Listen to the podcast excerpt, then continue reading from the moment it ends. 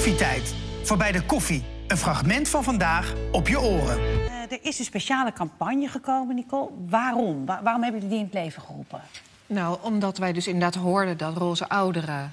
eh, als zij afhankelijk worden van een zorginstelling... vaak de kast weer ingaan in plaats van eruit blijven... omdat zij gepest worden, zich gepest voelen... zich buitengesluit, buitengesloten voelen.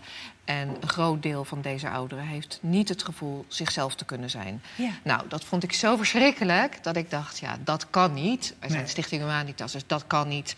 Voor iedereen is er plek en iedereen is welkom. Dus daar ga ik wat aan doen. Dus toen heb ik de campagne Oud Roze, gewoon liefde voor iedereen bedacht. En daarin staat dit thema centraal. De campagne begint met een awareness stuk. eh, waarin we roze liften hebben gemaakt in de stad.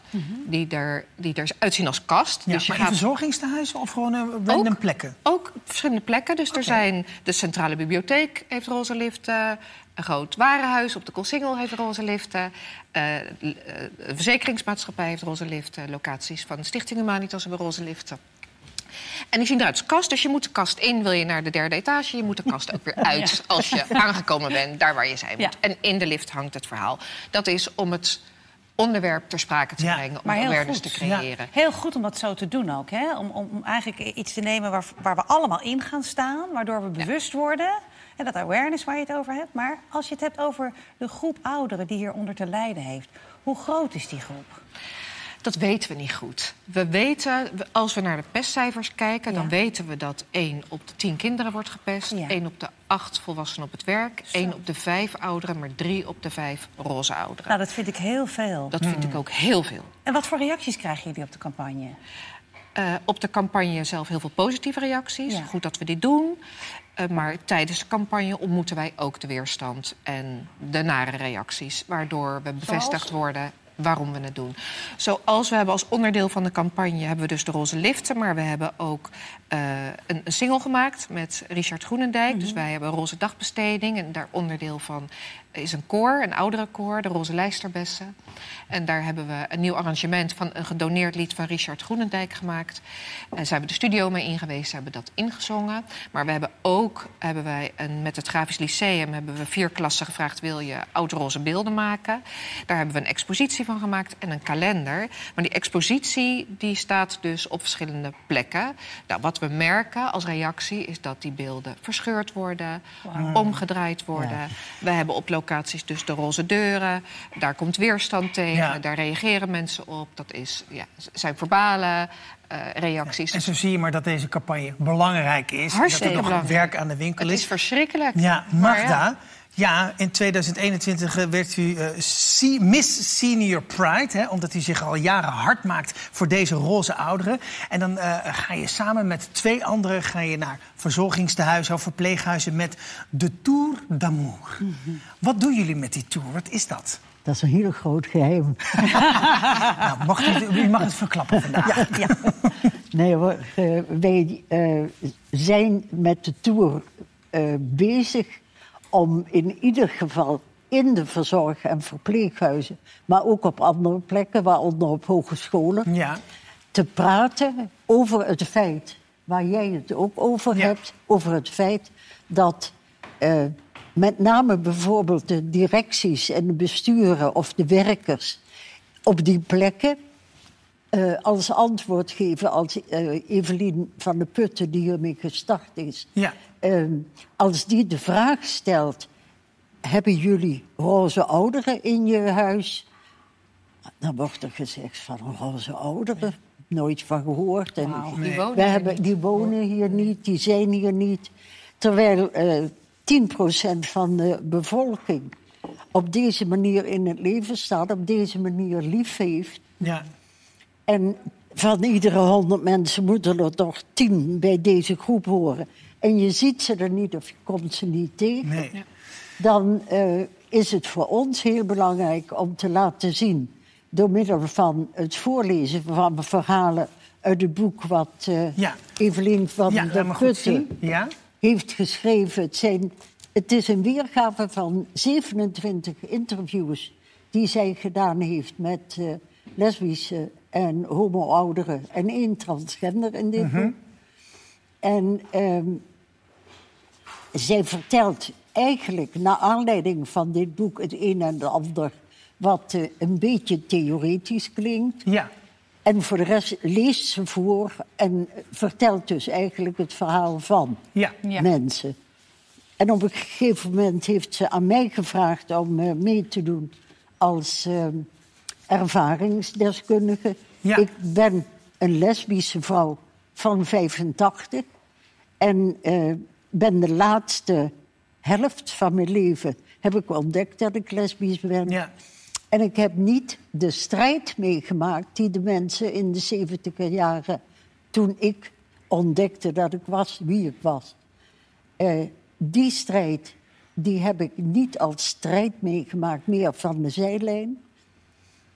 Maar eh, vanaf het moment dat ik ontdek dat ik er moeite mee heb om er vooruit te komen, en nu doe ik het zelfs hier op televisie, Ja. Ja. maar in kleinere kringen, als ik lid word van een groep of een, een, als ik me ergens voor moet stellen, dan zou ik heel graag bij wijze van spreken van de daken roepen. Maar ik ben wel een lesbische mevrouw. Ja. En ik ben heel erg gelukkig nadat ik de vrouw van mijn leven tegen ben gekomen. En dan denk ik, als ik dat niet durf, dan ben ik niet de enige. Nee, nee. Zo En naar aanleiding van dit gevoel van mij is eigenlijk dit boek Ja. tot stand gekomen. En dan gaan wij in de tour praten, het liefst uitwisselen Ja. eh, over dit thema. En ook nog een mooie drag queen, hè? Victoria Falls. Ja. eh, de- de- een grote bekende in de drag scene. eh, Ja. die, die zingt prachtige liedjes. Hè? Geweldig, ja. Ehm, je zei het net al even, heel veel ouderen die gaan dan toch weer terug in de kast. Magda, zou je kunnen uitleggen hoe dat, hoe dat nou komt? En waarom dat een grote groep is? Dat terug in de kast heeft volgens mij ermee te maken dat toen wij jong waren, en dan praat ik echt over de periode vlak na de Tweede Wereldoorlog, eh, was homoseksualiteit, laat staan andere variaties, die waren onbekend. En als ze wel bekend waren, dan was het of verboden of je was flink ziek in die zin dat je psychiatrisch ziek Ja. was. En eh, op die manier eh, is er een hele negatieve lading over, ja, bijna zou je zeggen, over de wereld uitgestrooid. Ja, ja. gestrooid.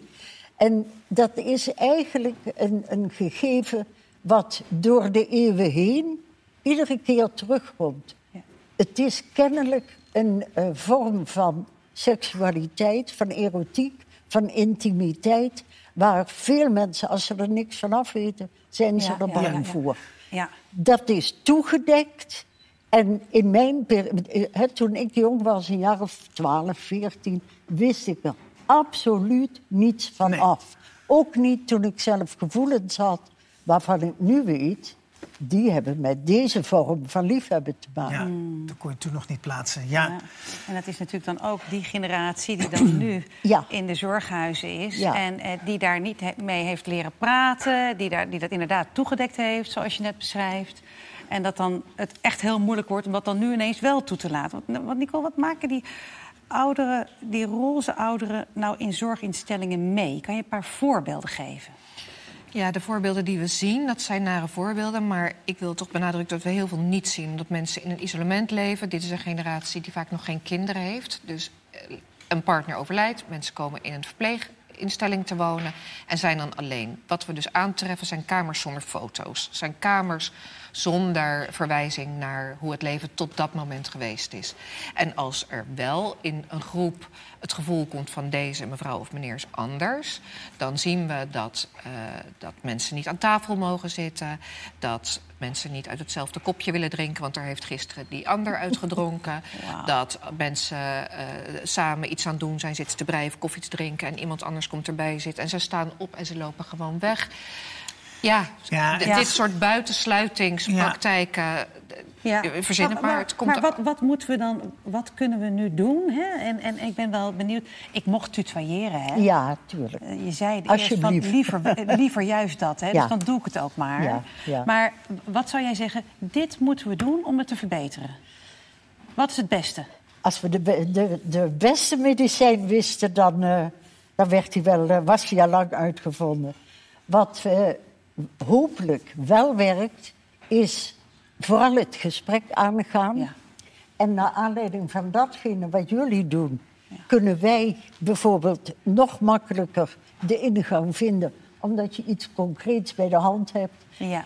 En bij de Tour d'Amour is het een kwestie van zowel voorlichting geven, Ja. dat is natuurlijk belangrijk, maar het is ook heel belangrijk dat je, in het geval van, van mezelf, dat ik laat zien hoe het is om je zo te voelen.